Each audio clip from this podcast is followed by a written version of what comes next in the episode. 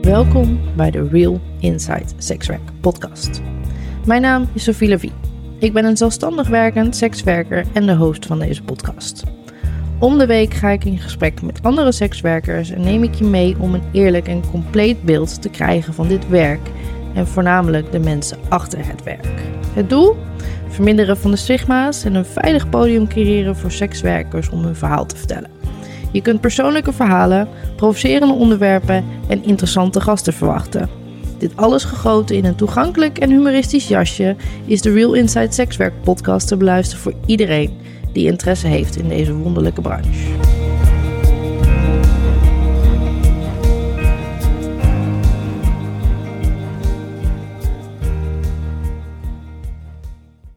Zullen we dat uh, ABC nog een keer gaan zingen? Ik kan niet zo goed zingen. A, B, C, D, E, F, G. We zijn nu begonnen met de opname, dus dit is het begin van onze opname. Oh, fantastisch. Wees blij dat ik niet dat stukje net al had opgenomen. Tot en met Z. Ja, een beetje ezelsbruggetje. Top. Dit is wel weer een lekker begin. Um, lieve luisteraars, welkom allemaal bij een nieuwe aflevering.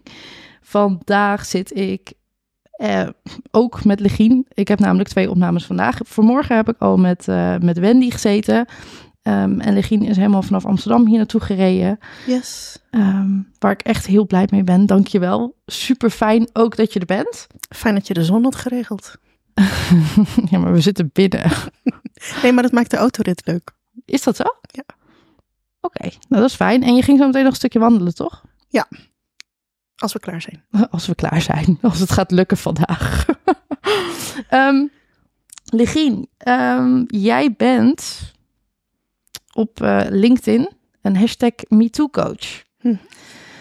Um, daarnaast, wat ik allemaal van je heb kunnen achterhalen, want je doet nogal wat, hm. uh, ben je uh, een trainer als het gaat om seksuele uh, intimidatie en seksuele uh, be, seksueel geweld. en dan voornamelijk gericht op professionals. Mm -hmm. En ben je spreker en coach rondom seksueel geweld. Klopt. Mis ik iets? Nou ja, ik zou eigenlijk wel alles willen doen en zeggen. Vraag me voor iets. En ik, uh, ik begin erover. Voor mij is het allemaal met elkaar verbonden, omdat het allemaal te maken heeft met seksueel geweld. Mm -hmm. En het is ook een beetje raar om te zeggen, jij bent trainer rond seksueel geweld. Want ik ga natuurlijk niet vertellen hoe je seksueel geweld moet doen. Hm. Um, ja. ja.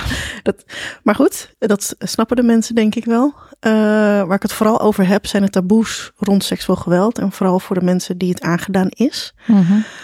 Hoe ze daarmee om kunnen gaan en hoe ze hun leven op orde kunnen krijgen. Of als het op de werkvloer gebeurt, uh, hoe je dat met elkaar doet, voor elkaar zorgen.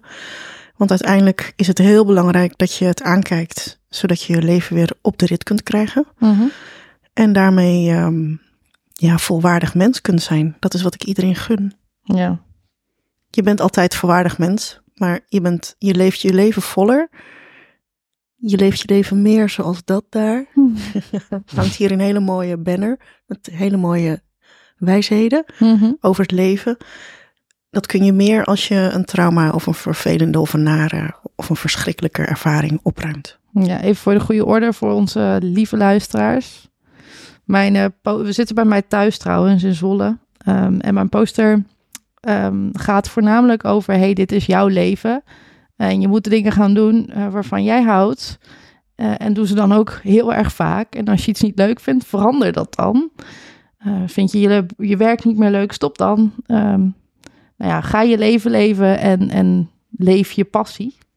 Dat is de poster. is misschien wel fijn om te weten wat er inderdaad staat. Want, ja, uh, heel handig. en en voor, is voor mij ook een bruggetje meteen. Want? Want ik heb jarenlang... Um, ik heb dus twintig jaar gedaan voordat ik mijn trauma aankeek. Mm -hmm.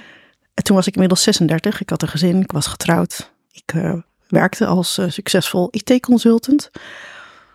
En als iemand me vroeg, wat is jouw passie? Waar ga je voor? Waar word je wakker voor, van? Mhm. Mm. Of waar sta je voor op? Wat wil je doen? Waar sta je over vijf jaar? Ik had geen idee. Dus doe wat je wil. Ik had geen idee wat mm -hmm. ik wilde, behalve dan de most obvious things die, ja, die voor de hand liggen. Ik wilde een leuk leven, ik wilde een relatie, ik wilde kinderen. Mm -hmm. maar hoe dan? En wat precies en welk gevoel wil, wil je erbij? Dat, dat, dat heb ik heel lang niet voor mezelf kunnen definiëren of niet eens kunnen benoemen. En ik denk dat, um, ja, dat veel mensen die seksueel geweld aan is gedaan, dat ook hebben. Dat er eigenlijk iets mist in de kern of geraakt is. Maar dat is ook um, het, het fundamentele, denk ik. Kijk, als we spreken over seksueel geweld, denk ik dat we ook al snel mogen spreken over een trauma bij veel mensen.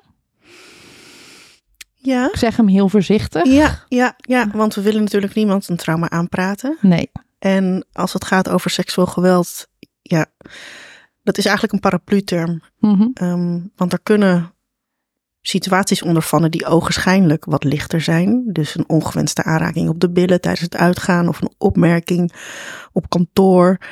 Tot en met ehm, nou, jarenlang kindermisbruik of verkrachting. Mhm. En alles wat ertussen zit.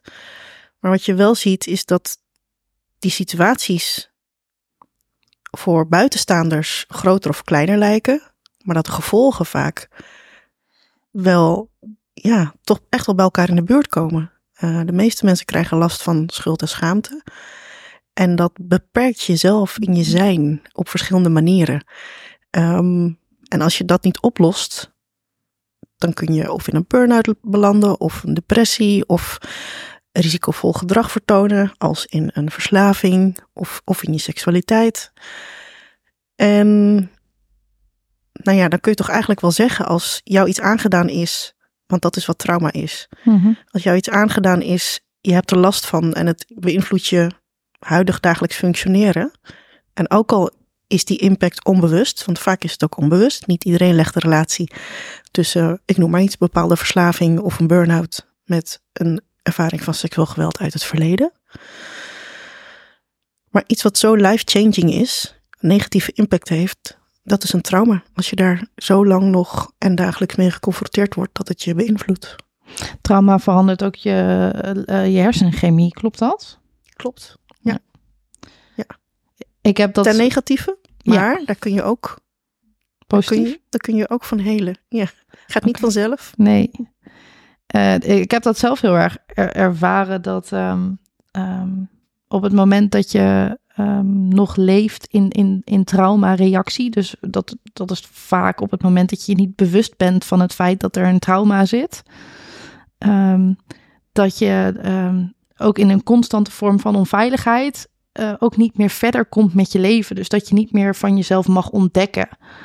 Uh, en, en die, een van de boeken die mij daar bijvoorbeeld heel erg mee geholpen heeft, was het boek Traumasporen van Hessel Kolk. Een enorme pil, kom je niet doorheen. Wessel van de Kolk. Ja, ja, Wessel van de Kolk. Ja, dankjewel. Bessel met een B van Boris. Wes, nog een keer Wessel? Bessel. Bessel. Bessel van der Kolk. Check. Nou, maar dat was ook echt een, een dikke pil. maar dat boek heeft echt mijn open ogen gedaan als het gaat om uh, uh, um, ook hoe je aan sommige dingen niks kan doen. Ik heb mezelf jarenlang dingen kwalijk genomen. Uh, waarvan ik in dat boek las: hé, hey, maar dit is letterlijk het effect van trauma op je brein. En stop dat met jezelf te bevechten. Want op het moment dat je het bevecht, maak je het erger. Kan je daar een voorbeeld van noemen? Life changing. Um, kan ik daar een voorbeeld van noemen? Ja. Um, Wordt wel meteen heel persoonlijk, maar ik denk dat het ook herkenbaar is. Nou ja, misschien is het heel erg fijn om even op voorhand met onze lieve luisteraars te delen dat uh, ik jou net voordat de microfoons aanstonden vertelde dat ik dit gesprek aan het voorbereiden was. En um, dat ik tot de conclusie kwam dat ik heel erg op de feiten aan het richten was. En oké, okay, wie is Ligien en wie kan ze helpen? En uh, wat is dan een hashtag MeToo-coach? Wanneer is het seksueel geweld? En dat ik eigenlijk mezelf aan het afleiden was van het uh, onderwerp wat me gewoon raakt als het gaat om seksueel geweld. Uh, want ik heb in mijn leven meermaals en ook op hele grote schaal uh, te maken gehad met seksueel geweld. En in het half uurtje voordat jij hier was, heb ik een, een, een discussie met mezelf gevoerd. Oké, ga ik op de feiten zitten en uh, Legien ondervragen over haar werk? Um, of ga ik praten over seksueel geweld? Um, en wij hebben net eigenlijk in samenspraak ook besloten: hey joh, uh, nou ja, Marisa, haar seksuele trauma mag er ook zijn. net als dat die van jou er mag zijn. En dat je zo'n nou ja, zo'n zo'n zo mooi iets doet. En dat je daar zo ver bent gekomen, ook met dat zelf onder ogen zien. Maar dat je dat nu ook andere mensen kan helpen. Ehm, ja, dus dat wij dat onderwerp niet uit de weg gaan. Dus dat het wellicht heel erg fijn is om te weten dat wij, nou ja, ehm, dat niet uit de weg gaan. En vandaar ook zo'n concrete vraag mijn kant op komt. Precies. Uh, In afstemming. Diepe zucht. Want dat zijn, uh, dit zijn moeilijke dingen. Ja, ik vind je heel dapper. ik ben hier al zo verschrikkelijk lang naartoe aan het werken. Dit is zo'n groot onderdeel van eigenlijk alle stappen die ik gezet heb. Um, waarvan mijn podcast een heel groot onderdeel is. Um, en ik heb ook op elk gebied de lastige thema's uitgekozen. Want ik ben sekswerker. Um, probeer iets te doen aan het verminderen van stigma's omtrent sekswerk. Mm ik heb een seksueel trauma. Daar zit ook heel veel stigma op. Dus ik heb alle moeilijke onderwerpen tik ik aan. En ze hebben ook allemaal effect op elkaar. En uh, je moet elk onderdeel eerlijk onder ogen komen. Wil je tot de diepere kern komen. En ik begin steeds meer tot die diepere kern te komen. Waardoor het ook makkelijker is om hierover te praten. Nou, ik vind het een ongelooflijke eer dat ik hier mag zitten en dit mag aanschouwen, wat er nu bij jou gebeurt. Ja. Ik word er zelf emotioneel van. dat ik denk van wauw, wat een kracht, wat een ruimte. Thanks. Ja. Nou, um, we zeiden al, hey, joh, uh, tranen zijn ook welkom. Die beginnen al te ontstaan. Um, en dat is ook gewoon dikke prima. Ik probeer daar uh, doorheen te praten, maar je zult met regelmaat uh, een emotie in mijn stem horen, omdat dit um, eigenlijk gewoon de meest Um, dit is een van de laatste stappen in, in het hele. Um, en dat is een. een uh, ik heb hier vast in gezeten voor een fix aantal jaren. En het is ongekend wat het met je doet op het moment dat je daar los van komt. Dus ja, dankjewel. en ik ben ook heel blij dat, dat, ik, dat er mensen op mijn pad komen die, die dit ook met me mogen doen. Dus dat deze onderwerpen ook constant op tafel komen. ja, Goed. Want dat verzorg je wel dan. je zoekt het of je, je zoekt het op, je trekt het aan. Ja, ja. ik hou van echtheid. Ja. Uh, met andere mensen in mijn sekswerk. Um, maar met alles. met alles. Weet je, mensen, gewoon mensen mogen mens zijn. En we mogen eerlijk zijn over alles. Ja. En... Nou, dat moet me wel meteen denken dat het als je de podcast gaat uh, publiceren, dat het mhm. heel verstandig is om daar een trigger warning bij te zetten. Ja, dat lijkt me ook. Want dat is ook echt. Dat als jij geëmotioneerd raakt of ik, mm en het gaat over seksueel geweld, een stomme term, maar dat gebruiken we even als paraplu-term, mm dat een luisteraar daar natuurlijk ook in getriggerd kan worden en het moeilijk kan krijgen. Dus een waarschuwing is wel op zijn plaats. Dat je goed voor jezelf zorgt. En zorgt dat als je dit luistert, dat je achteraf misschien iemand kan bellen ja. die je goed kent. En dat je tijd hebt om voor je nou ja, je behoeftes te zorgen. Ja, dat is een hele goede tip. Want die um, laat ik denk ik wel eens, uh, laat ik wel eens hangen. En het kan inderdaad heel erg confronterend zijn als je ook zelf nog niet zo heel ver bent uh, in, in het bewustwordingsproces van hé, hey, uh, hier, hier, wat hier besproken wordt, het slaat mogelijk ook op mij. Dat dat uh, inderdaad heel veel effect op je kan hebben. Ik ga ook in de show notes um, heel duidelijk neerzetten waar mensen eventueel terecht kunnen op het moment dat ze merken dat, uh, uh, dat, dat dit hun raakt. En dan ben ik zelf natuurlijk bereikbaar. Ik denk jij ook. En dat we dan kunnen doorverwijzen naar waar iemand ook heen kan om, uh, om, om dit kwijt te kunnen. Ja, nou ja, ik denk dat het heel mooi is om een aantal instanties te noemen. Laten we dat dan nu ook meteen doen. Ja. Het Centrum voor Seksueel Geweld is altijd bereikbaar via de chat en telefoon. Ja. Um, Slachtofferhulp Nederland. Mm -hmm. Uh, ook altijd bereikbaar.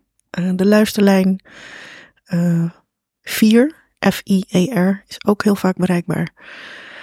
Dus dat zijn een aantal organisaties die echt opgeleid staan om, als je in één keer ontdekt van, hé, hey, wacht even, wat moet ik nu doen? Ik wil dat er iemand naar me luistert. Mm -hmm. Dat zijn gewoon de organisaties waar je vrijwel altijd terecht kunt. Check. Ik zet ze ook nog even in de show notes, maar fijn dat je yes. ze even besproken hebt. Volgens mij moet ik nog antwoord geven op een vraag. ja, ik, uh, heel scherp dat je erop terugkomt. Of je zo'n voorbeeld kunt geven van impact van trauma op je brein. En dat je het jezelf kwalijk nam, maar dat je toen ontdekte van hé, hey, maar dit is wat trauma doet. Talloze, want ik was een wandelende bron met trauma. Mhm. Ehm, een constant een gejaagd gevoel. Hmm. Ehm, Mhm. een van de meest eh, opvallende, ook voor andere mensen. Ehm, ik heb ook ADD, maakt het ook wel wat erger. Maar sinds dat mijn trauma meer geïntegreerd is in wie ik ben, is mijn ADD heel veel minder. Oh, dat is heel interessant. Nou, het versterkt elkaar, heb Ja. ik het idee. Maar zeg je dan daarmee eigenlijk ook dat als je op het ene gebied zeg maar iets meer ontspant of heelt, Mhm. dat het andere gebied daarmee ook wat rustiger zou kunnen worden? Nou, wat, ehm, ja. Maar bij mij was de koepelterm die, die hielp, was acceptatie. Mhm. Ehm, ik begon tegen niks meer in mezelf te vechten. Hm. Dus mijn ADD werd gewoon een heel erg vermakelijk onderdeel van wie ik ben. Ehm, Heerlijk. ja, dat is echt top. ik had echt zoveel lol om mezelf altijd. Heb ik mijn sleutels weer vergeten. Heb mijn auto weer ergens neergezet. Geen idee waar die auto staat. Weet je, dat soort Ja. dingen. Maar ehm, toen, toen mijn trauma nog een- echt, echt een groot onderdeel van mij was, ehm, was dat niet te houden. En had ik er dus zelf ook heel veel last van. Maar dat kwam ook omdat ik idioot veel druk op mezelf legde om maar te blijven presteren. Ja. Ehm, ik was eigenlijk constant aan het wandelen met eh 9000 verschillende soorten ballen omhoog. Eh, Best veel.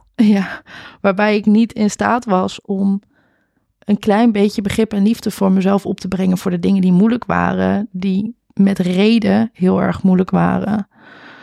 Ehm, En was dan de ballen, 9000 ballen in de lucht houden voor jou een manier om ondersteund door ADD, want anders kun je geen 9000 in de lucht houden, eh, eh, om weg te blijven eigenlijk bij je ware gevoelens? ja, ja, Duidelijk. absoluut.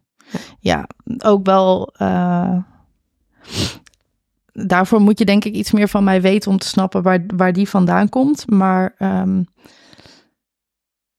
mijn, mijn, mijn seksuele trauma gaat over een anderhalf jaar durende ehm, eh, een vorm van misbruik in de vorm van grooming en in de vorm van loverboy praktijken. Hmm. Eh, ik was destijds 12. Dat stopte toen ik 13 en een half was. Dus ik was ook nog echt kind.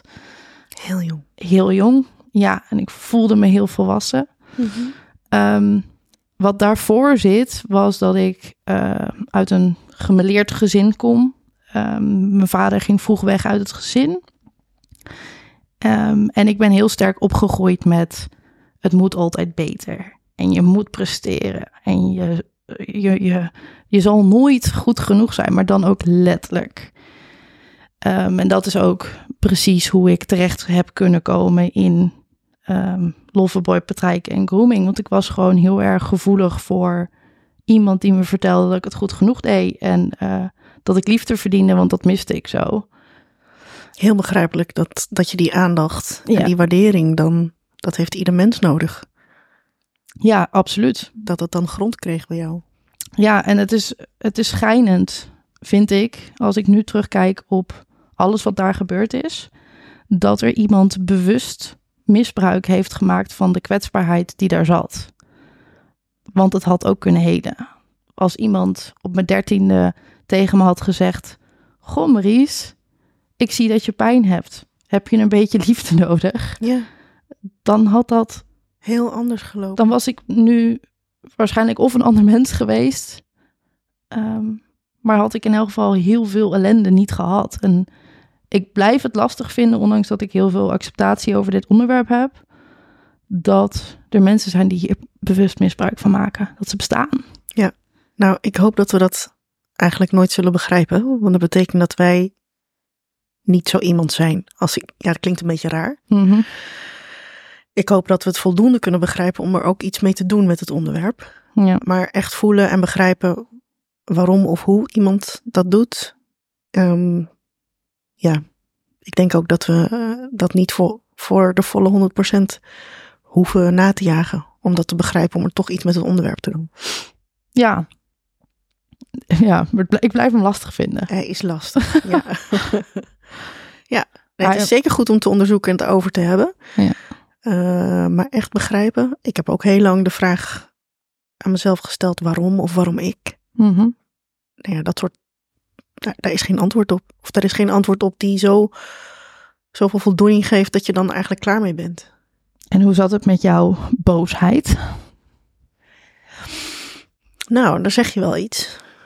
Um, daar komt bij mij dan niet ADD, maar een ander aspect cultuur bij kijken. Mm nou, de luisteraars zien dat niet, maar ik ben van Javaans-Surinaamse afkomst. Mm En um, de meeste Javanen en um, mensen uit Indonesië, maar Javanen zeker, zijn heel meegaand en best flexibel.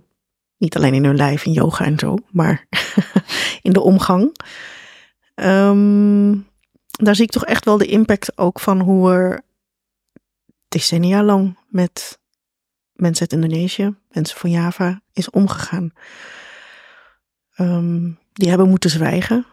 Uh, die zijn ingezet toen slavernij was afgeschaft in Suriname. Mm Werden arbeidskrachten uit Java gehaald en naar Suriname verscheept als contractarbeider. Dat klinkt namelijk minder erg dan tot slaafgemaakte. Mm um, maar dat is generaties lang zijn mensen daar dus in dienst van anderen geweest. Van Nederland eigenlijk. En dat, dat zit in je DNA en dat wordt op een gegeven moment lijkt het karakter te worden. Uh, om te gaan zwijgen en ergens niet over te beginnen en dus ook ergens niet boos over te worden. Dus mijn woede en boosheid over het gebeurde was totaal niet aanwezig in het begin. Ik kon daar rationeel over nadenken dat, omdat iemand mij verkracht had, dat die ander fout was. Mm En dat die ander fout was, dat was ook niet een besef wat ik meteen had. Maar de woede daarover voelen, die, die had ik niet meteen. Ik was niet meteen boos. Ik was, uh, nou ja, noem het maar in nette woorden, ontsteld ontsteld. Het klinkt alsof je je echt gedistanceerd hebt van. Heel gedistanceerd. Ja. ja, van gevoel. En dat dat ook niet. had geen plek in mijn lijf. Hm. En is in verwerking of heling wel een cruciale fase om wel die boosheid te kunnen voelen. Ja. En daarbij te komen. Omdat het anders dus onder de oppervlakte aanwezig blijft. Ik heb dus vrij recent die boosheid gehad. Interessant. Bij mij is. Um bij mij is mijn misbruik best wel heel lang een, een, een onderdeel geweest van wie ik ben. Alleen dan wat jij net schetst in ratio. Um, Dus het was gewoon. En op een gegeven moment uh, ging ik verder. En was dat een vorige versie van mij, mm. dacht ik mhm. destijds. Mhm. ik weet ondertussen wel wat beter. Uh, totdat ik, ik, ik gebruik onder andere ayahuasca voor zelfontwikkeling. Ik weet niet of je ayahuasca kent. Ik ken het, ja. Nou ja, dat uh, is eigenlijk voor de mensen die het niet kennen het, het heftigste psychedelicum wat er is. En wordt gebruikt uh, uh, voor zelfinzicht en zelfontwikkeling. En eigenlijk alles wat jij emotioneel onder de mat hebt willen schuiven, komt wel zo ongeveer naar boven in een ayahuasca-ceremonie. Oh, wauw. Ik heb het zelf nooit gebruikt, maar het lijkt me wel, als je dit combineert, ayahuasca en Trauma. dat je zegt, ja, heel spannend. Ik heb vorig jaar zes ayahuasca-ceremonies gedaan. Uh, waarvan ik de eerste vier ayahuasca-ceremonies alleen maar bezig ben geweest met mijn eigen weerstand. Hmm. Um, en hoe meer weerstand je richting een ayahuasca geeft, hoe zwaarder je reis wordt. Dus dan krijg je echt demonen, je krijgt he echt hele zware dingen totdat je toegeeft. Nou ja, echt pittig. Dit is dus precies wat op het moment dat je een trauma hebt, leer je jezelf te beschermen, want het is vaak te heftig om hmm. direct in de ogen te kijken. Nou ja, daar heb ik vier ayahuasca-ceremonies over gedaan. Totdat ik eindelijk kon, kon toegeven. Dus kon, kon er doorheen kon gaan. En toen begreep ik ook wel waar ik mezelf voor beschermd had. Want toen ging de beerput wel een beetje open. Hmm. Ehm, en toen was die ook echt open. Jeetje. En toen dacht ik, oh, die zelfbeschermingsmechanismes, die hebben een functie. Voor. ja. En die waren allemaal weg. En toen moest ik alles in één keer allemaal doorvoelen. Uh, ja, dat was heel intens. En ik ben heel... Hoe lang geleden was dit? Dit is uh, um, een jaar, denk ik. Wauw. Wauw. Ja. Oké. Okay. Um, Oké. Okay. Dus je hebt eigenlijk de waterval opengezet. Ja. Je bent onder gaan staan en alles over je heen laten komen. Ja, en het was geweldig. Ja. Ja. Nee, oprecht.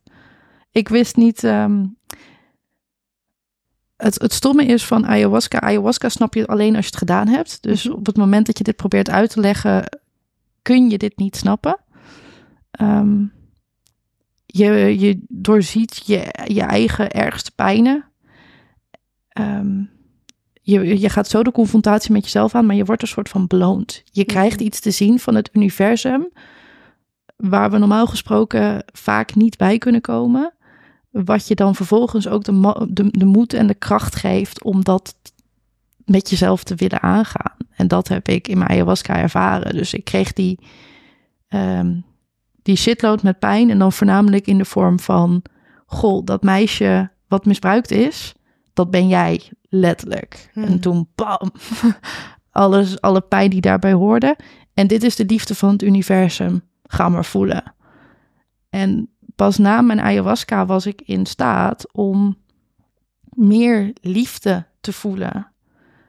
En dat was mijn beloning. En vanaf dat moment is dat ook wat het is.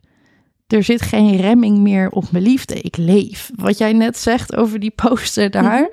eh, over dit is jouw leven en ga het leven. Dat is wat ik aan het doen ben.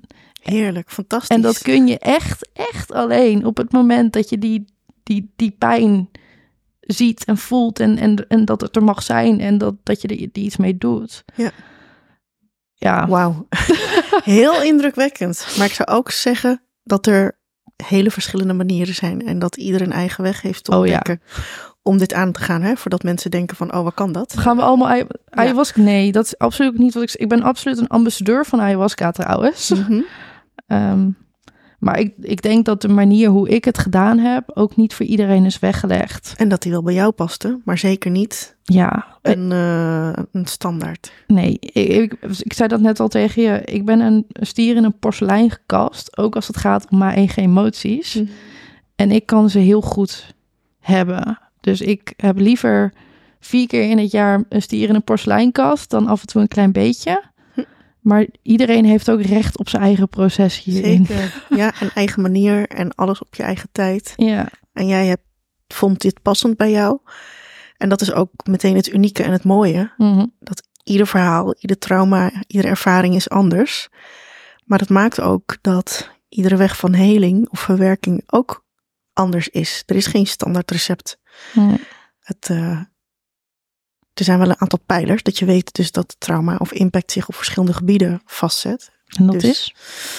Nou, niet, niet alleen lichamelijk, eh, maar zeker ook mentaal Mhm. en emotioneel, sociaal ehm, en in je seksualiteit. Mhm.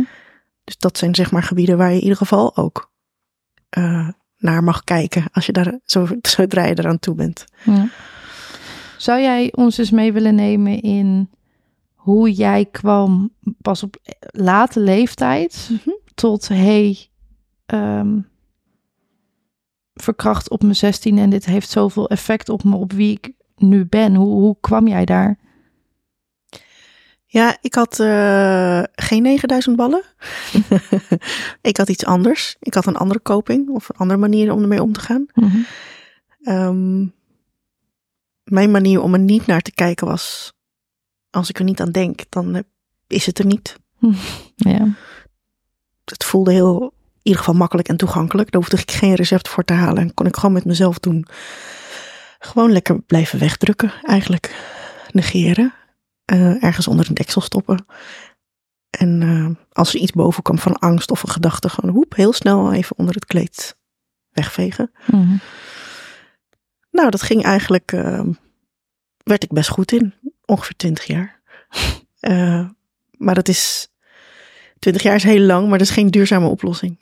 En dat, dat heb ik eigenlijk pas ontdekt, dat toen ik met verwerking en heling begon, dat er stukken opgeruimd werden.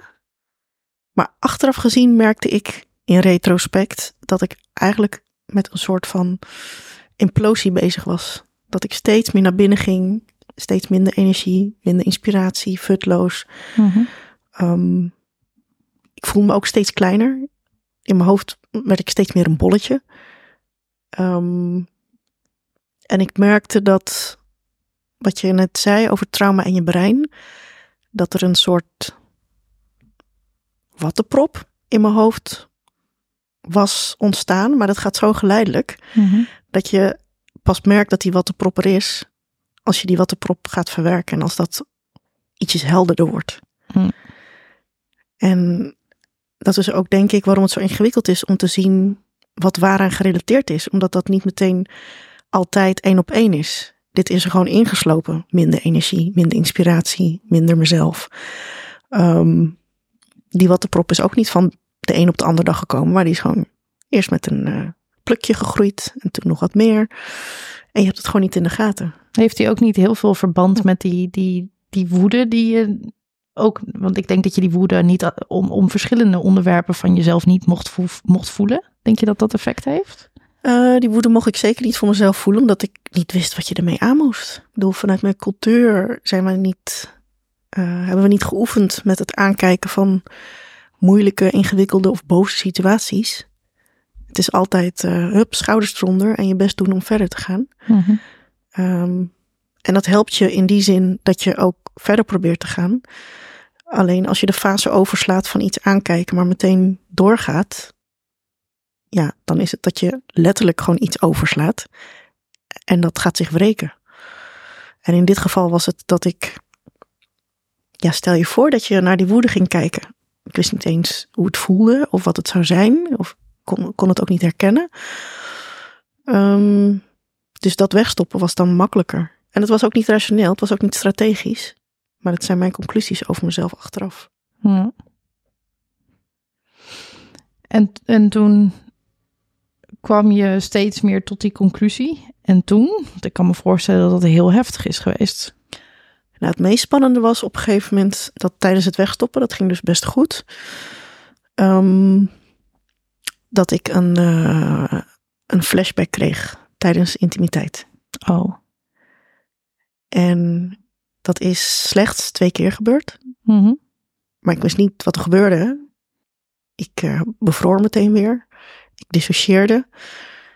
Ehm, het was heel ingewikkeld. De tweede keer dat het gebeurde, dacht ik: hé, hey, wacht even, er gebeurt hier iets. Mhm. En vanaf toen was het eigenlijk de angst voor een flashback die me in de greep hield. En dat heeft mij zoveel stress. Dat, was, dat, dat werd eigenlijk mijn trauma. Dus niet eens het gebeurde wat er gebeurd was, maar de angst dat ik een herbeleving zou krijgen.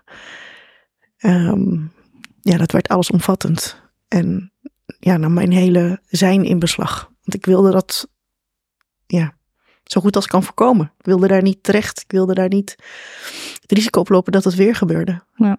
Want tegen die tijd had ik het nog niet met mijn partner gedeeld. Ik kon hem ook niet uitleggen wat er gebeurde. Hij dacht dat hij mij tijdens het vrije, zeg maar, per ongeluk pijn had gedaan.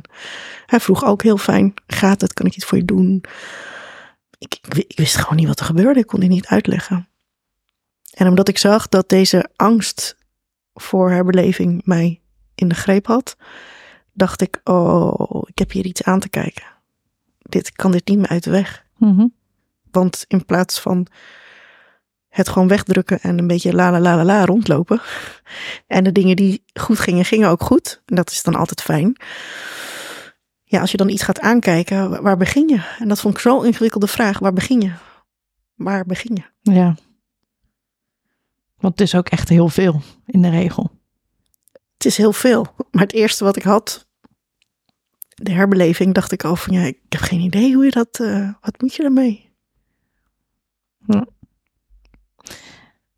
En als je daar nu op terugkijkt, hoe heeft zich dat. Hoe heeft jouw helingsproces zich vormgegeven? Hoe lang heeft dat geduurd? Wat, Oeh, nou ik denk toch echt wel een aantal jaar. ja. Ja. Ehm, nou, ik had het net al over fysieke klachten, lichamelijke klachten. Bij mij zijn een deel van deze klachten echt psychosomatisch, zeg maar, doorgezet.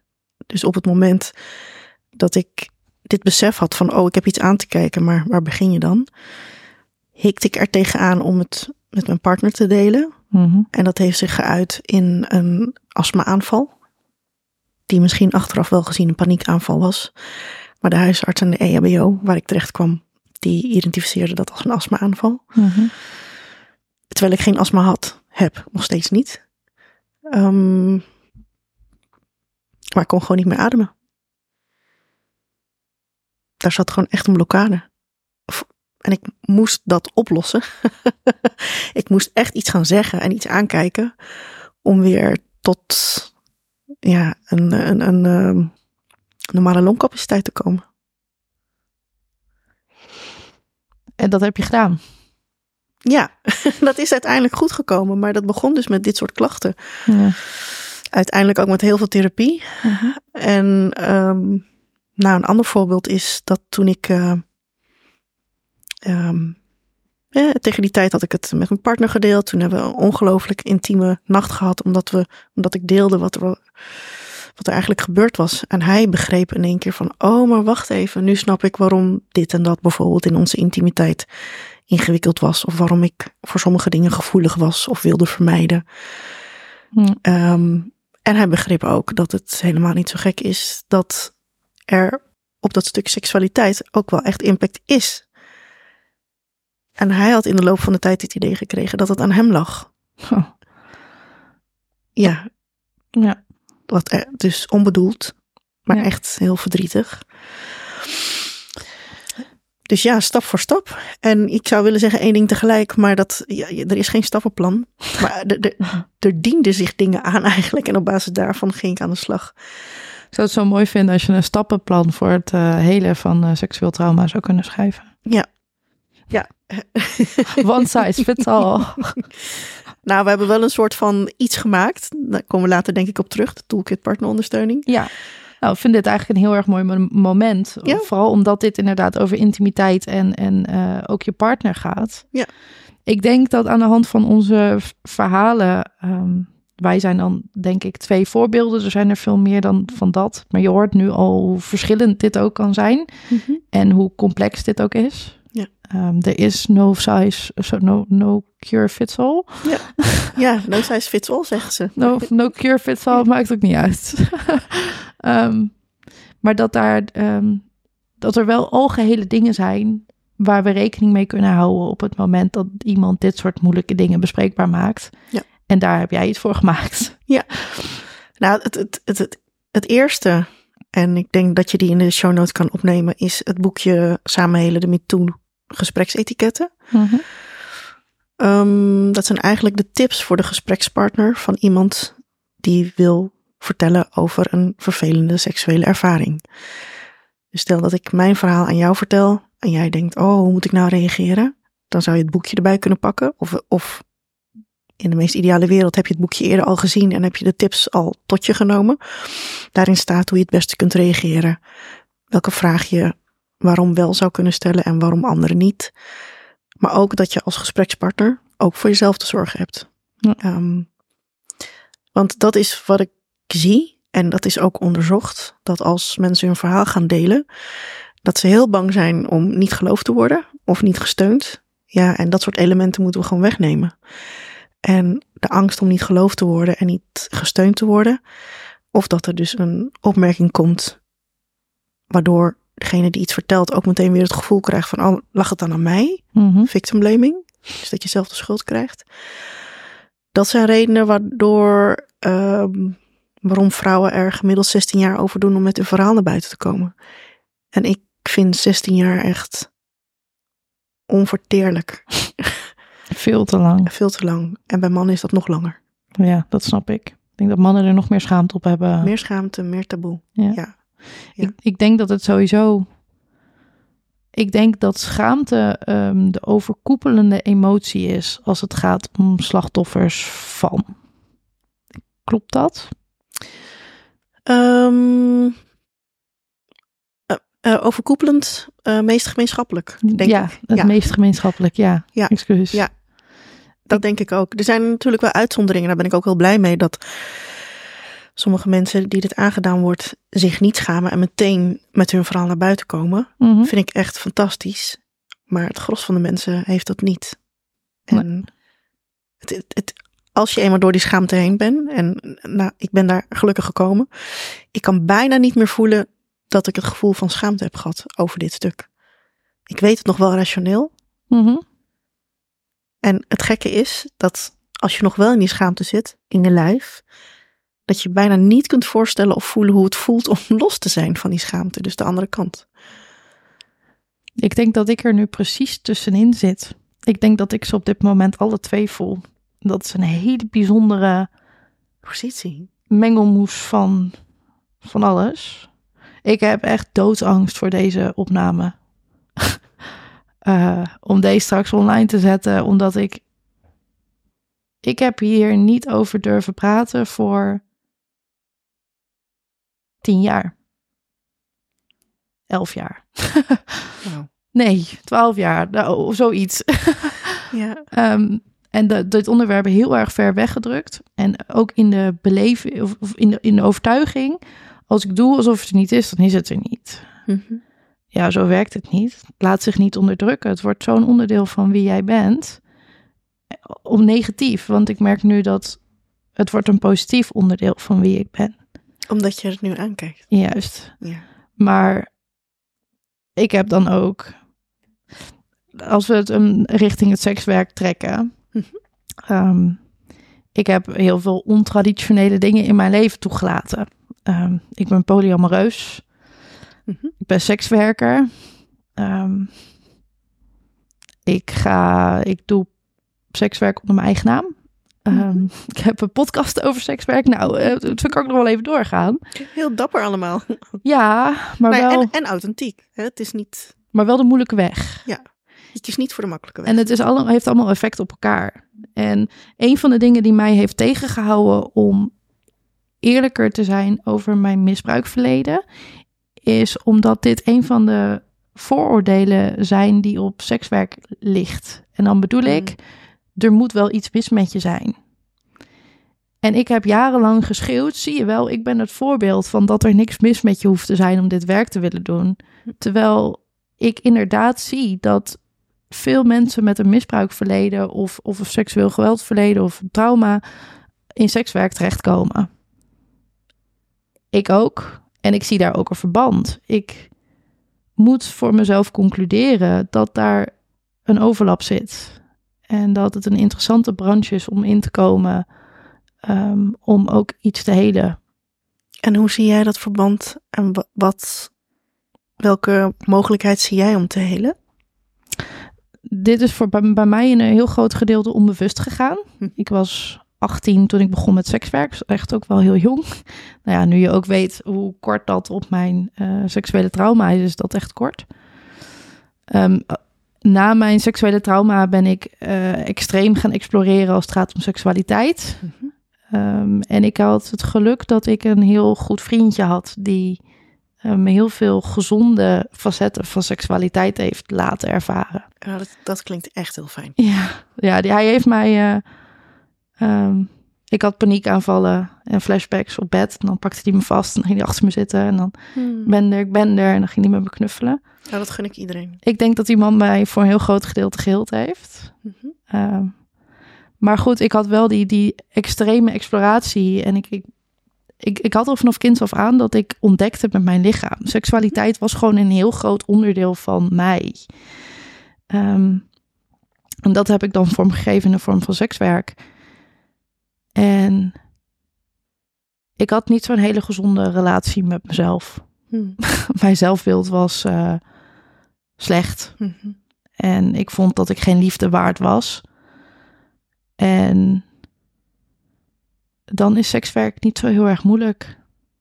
Dan kun je een bepaald stukje van je hersenen uitzetten en dan voelt dat als goed genoeg. En pas in de jaren daarna heb ik geleerd om sekswerk gezond in te richten.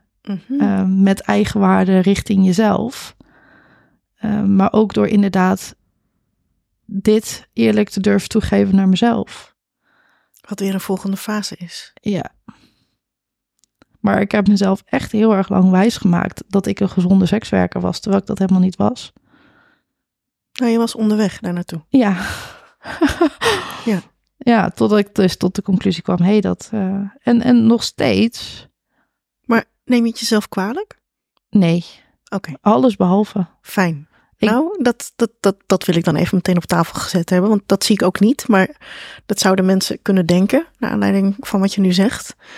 Nee, ik wist het niet. Nee, ja. Ik was bezig met een bewustwordingsproces. Ja. En ik heb juist oneindig veel respect voor mezelf. Mhm. Om hoe ik elk moeilijk thema in mijn leven onder ogen ben gekomen en ben gaan oplossen. Op de niet makkelijke manier. Ja, Ja, ja. ja jij hebt echt, eh, ik zou willen zeggen ballen, maar ik probeer eigenlijk genderneutrale de laatste keer dat krachttermen. ik het checkte, maar Jij hebt echt een ongelooflijke power, mensenkracht, een dosis menskracht. thanks. Ja, wat anders dan ballen. ja. Dat zie ik als vaak. Sorry. Ah, wat dit. ja. Smerig. Ehm, Nee, dat ja. maar. En, en ehm, een van de conclusies die ik eruit getrokken heb en waarom ik ook denk eh, waarom veel seksueel geweld slachtoffers terechtkomen in sekswerk, Mhm. ehm, is omdat het je voor een groot voor een gedeelte de controle teruggeeft. dat hoor ik vaker. Ja, Omdat je dan wel kan kiezen en zeggen hoe, welke dingen, op welke manier, welke gelegenheid. ja. Ja. En ook ehm, zonder dat daar een vorm van discussie over is. Ja. Het is zo empowerend. eh, totdat er een keer iemand over je grenzen heen gaat. Of als je tot de conclusie komt dat die grenzen waarvan jij denkt dat je ze hebt neergezet, toch niet zo heel erg helder staan. Eh, Het lijkt me dan extra pijnlijk. ja, en dan, maar dat geeft je wel de mogelijkheid om daar vervolgens iets aan te doen. Het fijne van sekswerk is wel dat het, ehm, wil je sekswerk goed doen, Mhm. moet je dit soort dingen dus wel met jezelf aangaan, anders dan hou je het niet vol. Anders kom je het tegen. Juist. Ja. En dat kun je heel ongezond oplossen. Dat zie ik ook veel in het sekswerk gebeuren. Ehm, in allerlei verschillende soorten segmenten zie ik drugsmisbruik. Ehm, of een, een stuk van. eh, sommige sekswerkers kunnen een stuk van hun hersenen uitzetten. Net als dat mensen die inderdaad ook eh, een, iets traumatisch ondergaan, kunnen dat ook. Eh, dan voel je niks meer en dan denk je niks meer en dan alles kan. Ja. Nou, ik zie dat sekswerkers soms gewoon doen tijdens hun werk. Ehm, maar je kunt ook aanwezig zijn en het inrichten zoals het goed voor je is. Maar dat vraagt inderdaad wel heel iets anders. Dat vind ik wel ongelooflijk knap, maar dat zou wel een hele mooie en gezonde variant zijn als je het goed kunt inrichten. Dat het eh helend of helpend is voor jezelf. Ja. Ja, maar lijkt me ook echt een enorme uitdaging. Waar ik wel wil zeggen dat het, wat je net noemt, als je het hebt over drugsgebruik bijvoorbeeld, dat is natuurlijk niet alleen bij sekswerkers zo. Er zijn natuurlijk heel veel Ja. mensen die dat als vluchtmiddel gebruiken. Ja, Of misschien niet eens bewust als vluchtmiddel, maar dat het een vluchtmiddel wordt als je dat overmatig gaat gebruiken. Ja. Ehm, of het dissociëren. Mhm. Ja, dat zijn wel kenmerken die passen bij als je iets dramatisch hebt meegemaakt. Ja. Om dat dan niet aan te gaan. Ehm, ja, en de ellende is gewoon eigenlijk dat er zoveel mensen eigenlijk geraakt worden door seksueel geweld.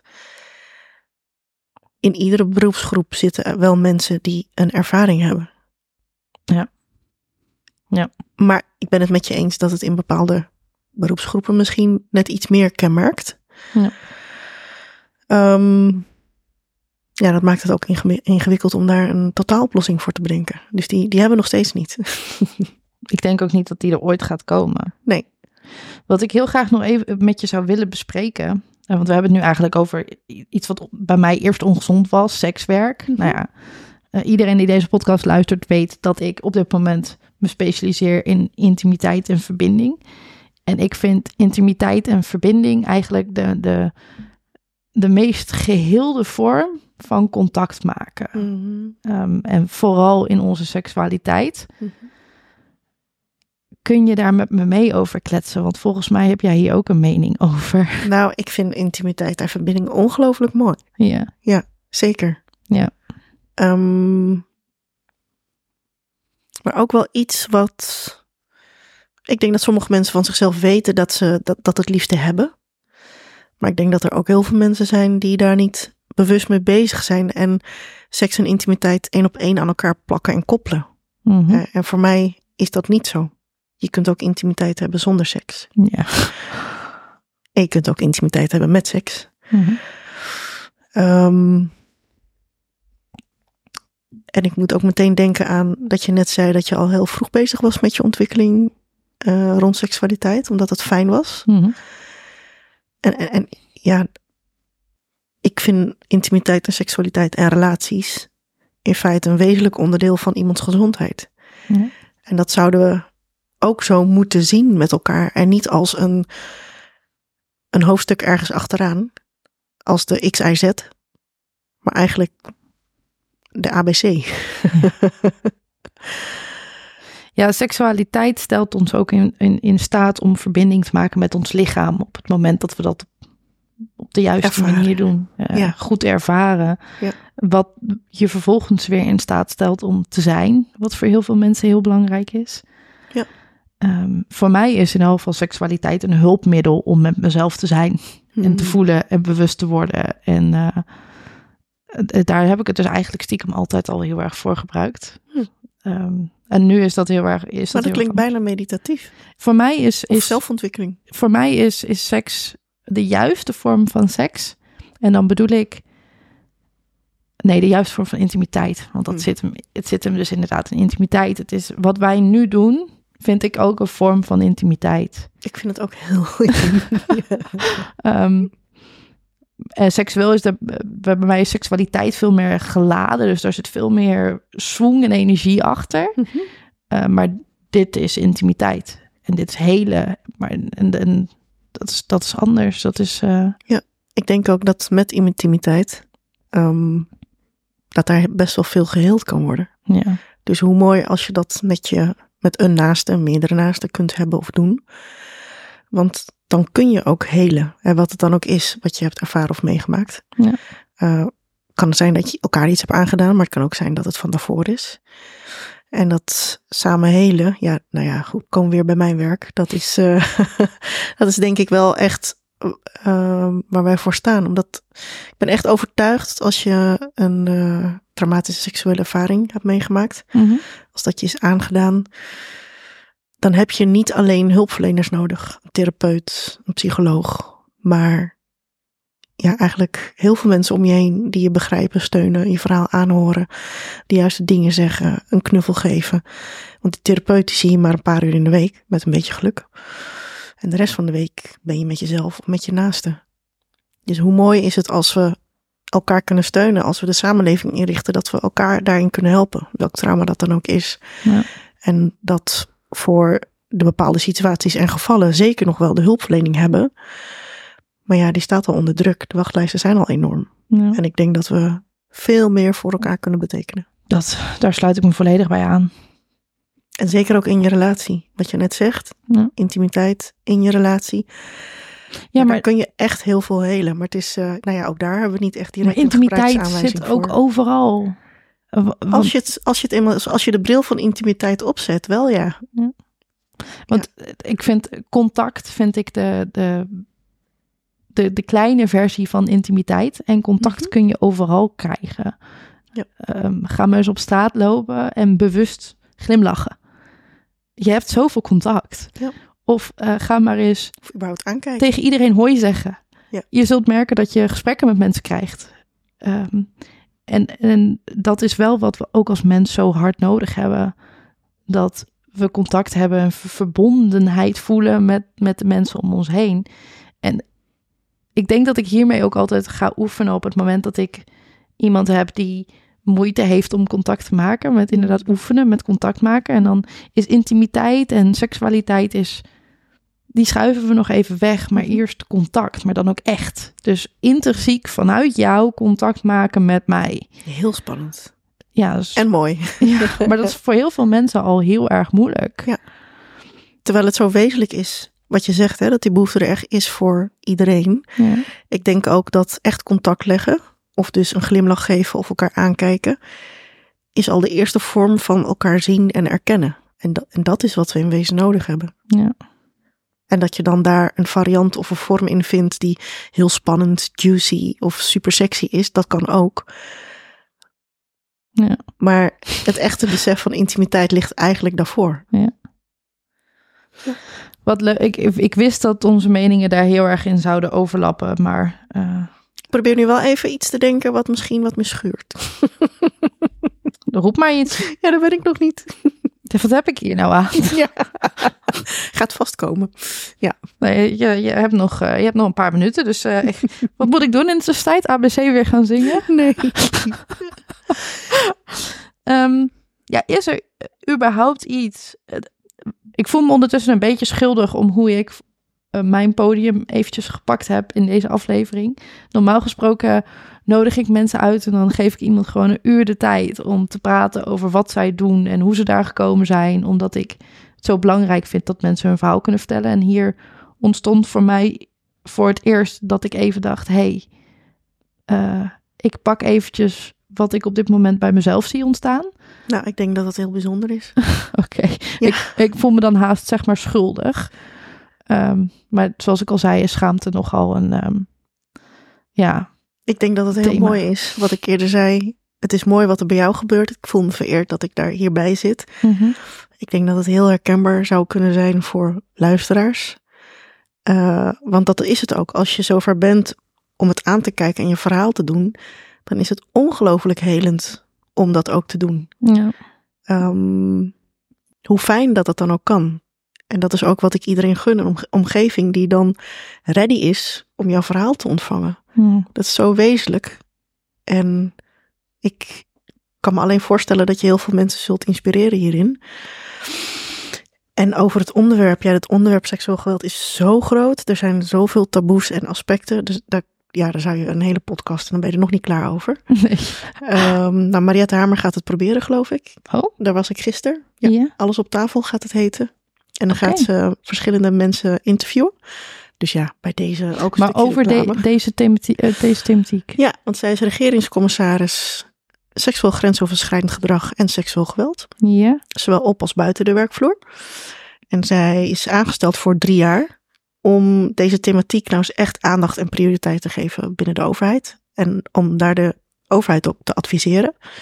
Dus zij is het land ingegaan en ze gaat ook het land in om met verschillende beroepsgroepen, verschillende organisaties, verschillende branches, sectoren het gesprek aan te gaan en te kijken van goh, hoe zouden we dit, deze thematiek nou eens kunnen tackelen en aanpakken. Ja.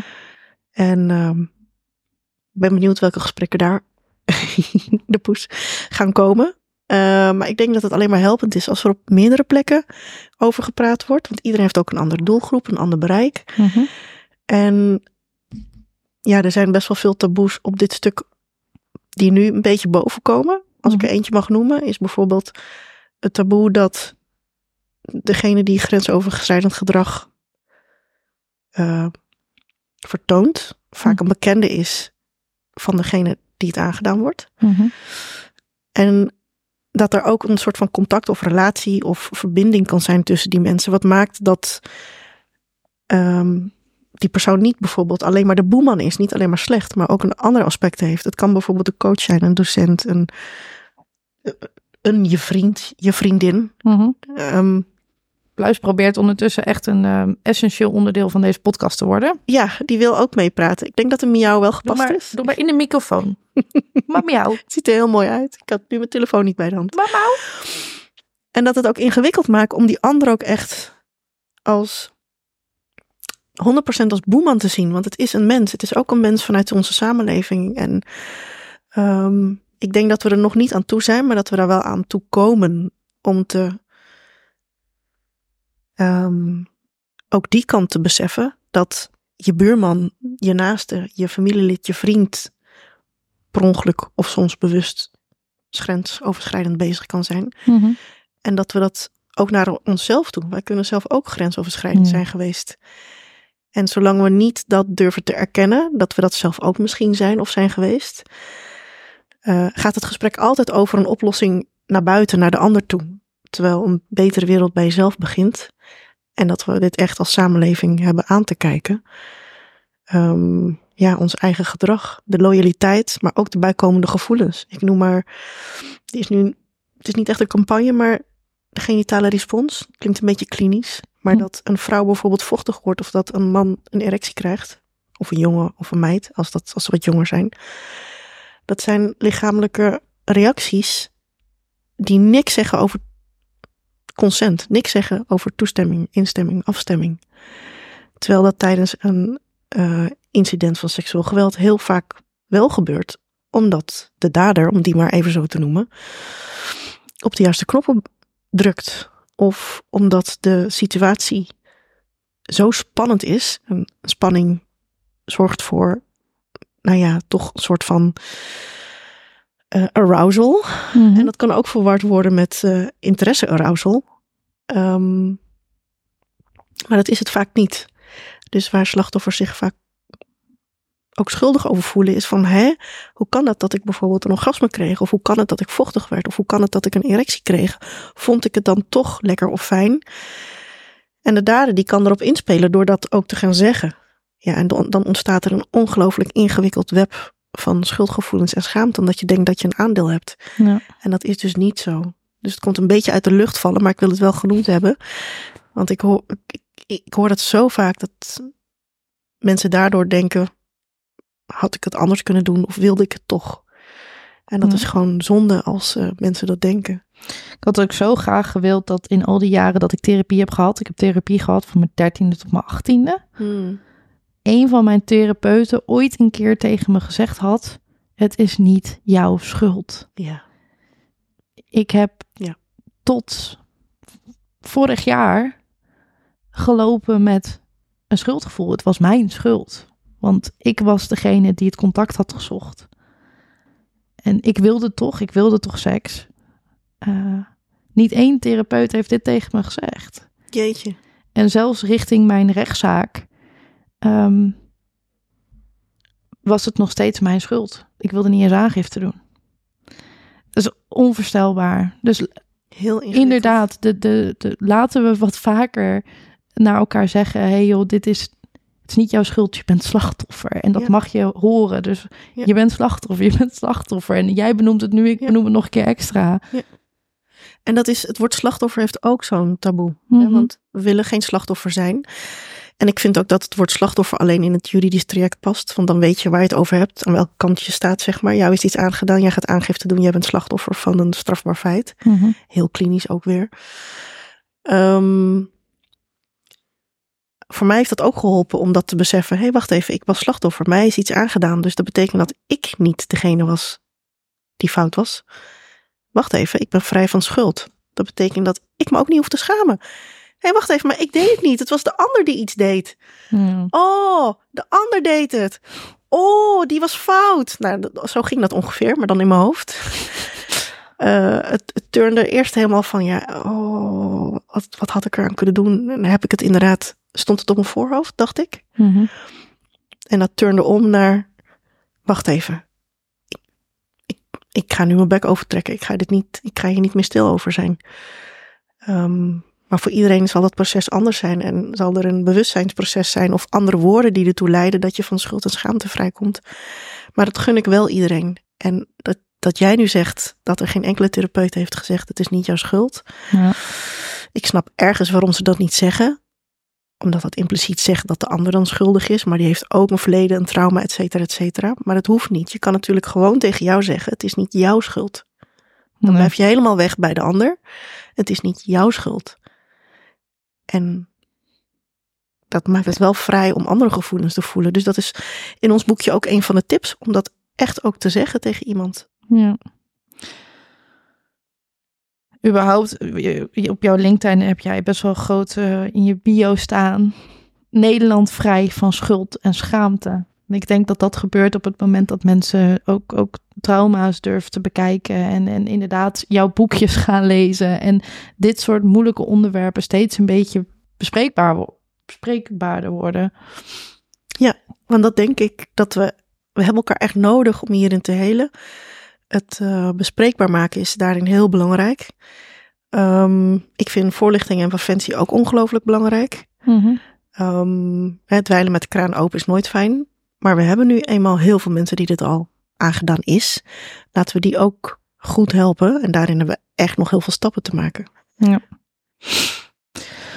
Ik denk dat we nu uh, met deze podcastopname hier een beetje aan bijdragen ik ga richting een afsluiting. Uh, ik heb van jou gekregen um, jouw samen hele uh, etikettenboekje. Ja. Ik ben trouwens heel benieuwd zo meteen als de microfoon uit is of hoe je vond dat ik het deed net.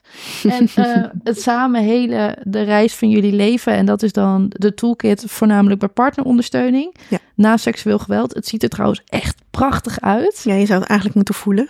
Ja. Jij kan zeggen hoe het voelt. Ja, nou, het is gewoon voornamelijk heel erg mooi. En ik ben echt heel erg enthousiast om het ook te gaan lezen. Um, ik had gewild dat dit er was geweest ten tijde um, dat mijn trauma een beetje boven water kwam bij mijn ouders en mijn, mijn familie. Mm -hmm. um, ik mag er een aantal weggeven van jou.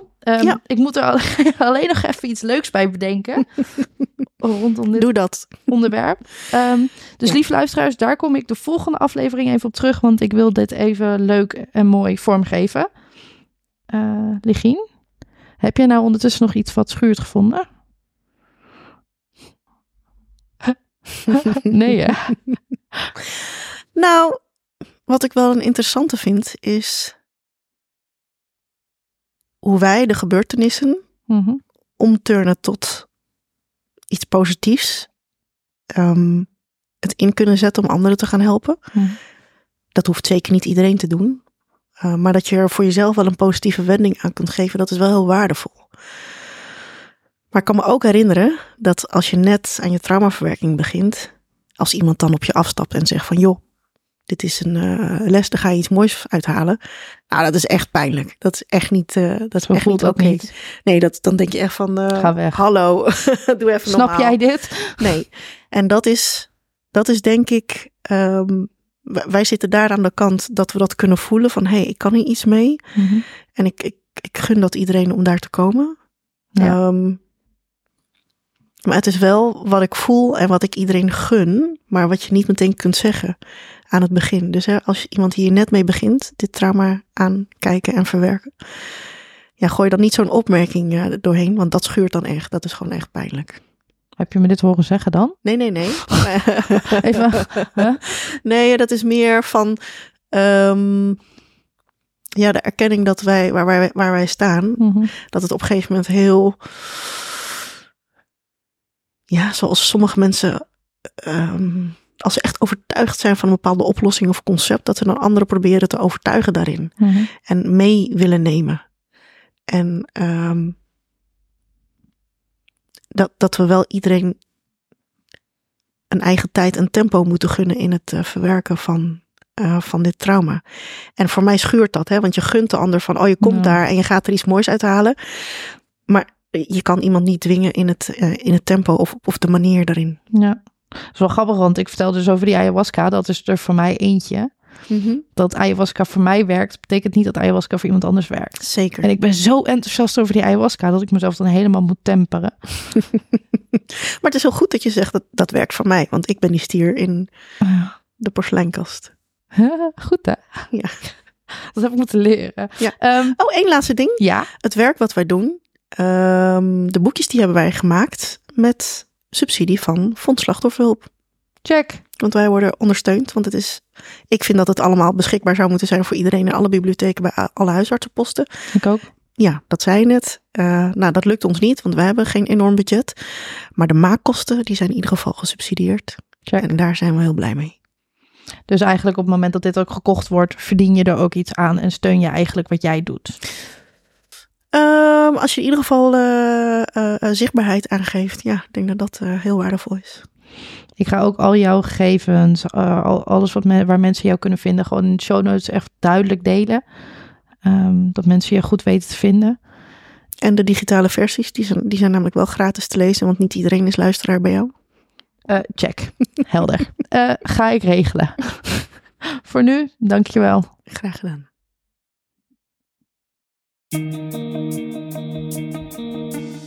Dankjewel dat je weer luisterde naar een aflevering van de Real Inside Sexwork podcast. Elke dinsdag om de twee weken is er een, uh, een nieuwe aflevering. De ene keer ga ik in gesprek met een andere sekswerker of een instantie. Um, en soms ga ik in gesprek met mezelf over een bepaald onderwerp. Denk je nou, hey joh, ik uh, wil de Real Inside Sexwork podcast uh, goed in de gaten houden. Ga ons dan op Instagram volgen. Dat is de Real Inside Sexwork podcast. Zonder spaties, geen gekkigheden. En ga ook even bij je favoriete podcastplatform uh, ons volgen en zet de meldingen aan. Dan krijg je automatisch een melding op het moment dat er een nieuwe aflevering is. tot de volgende keer.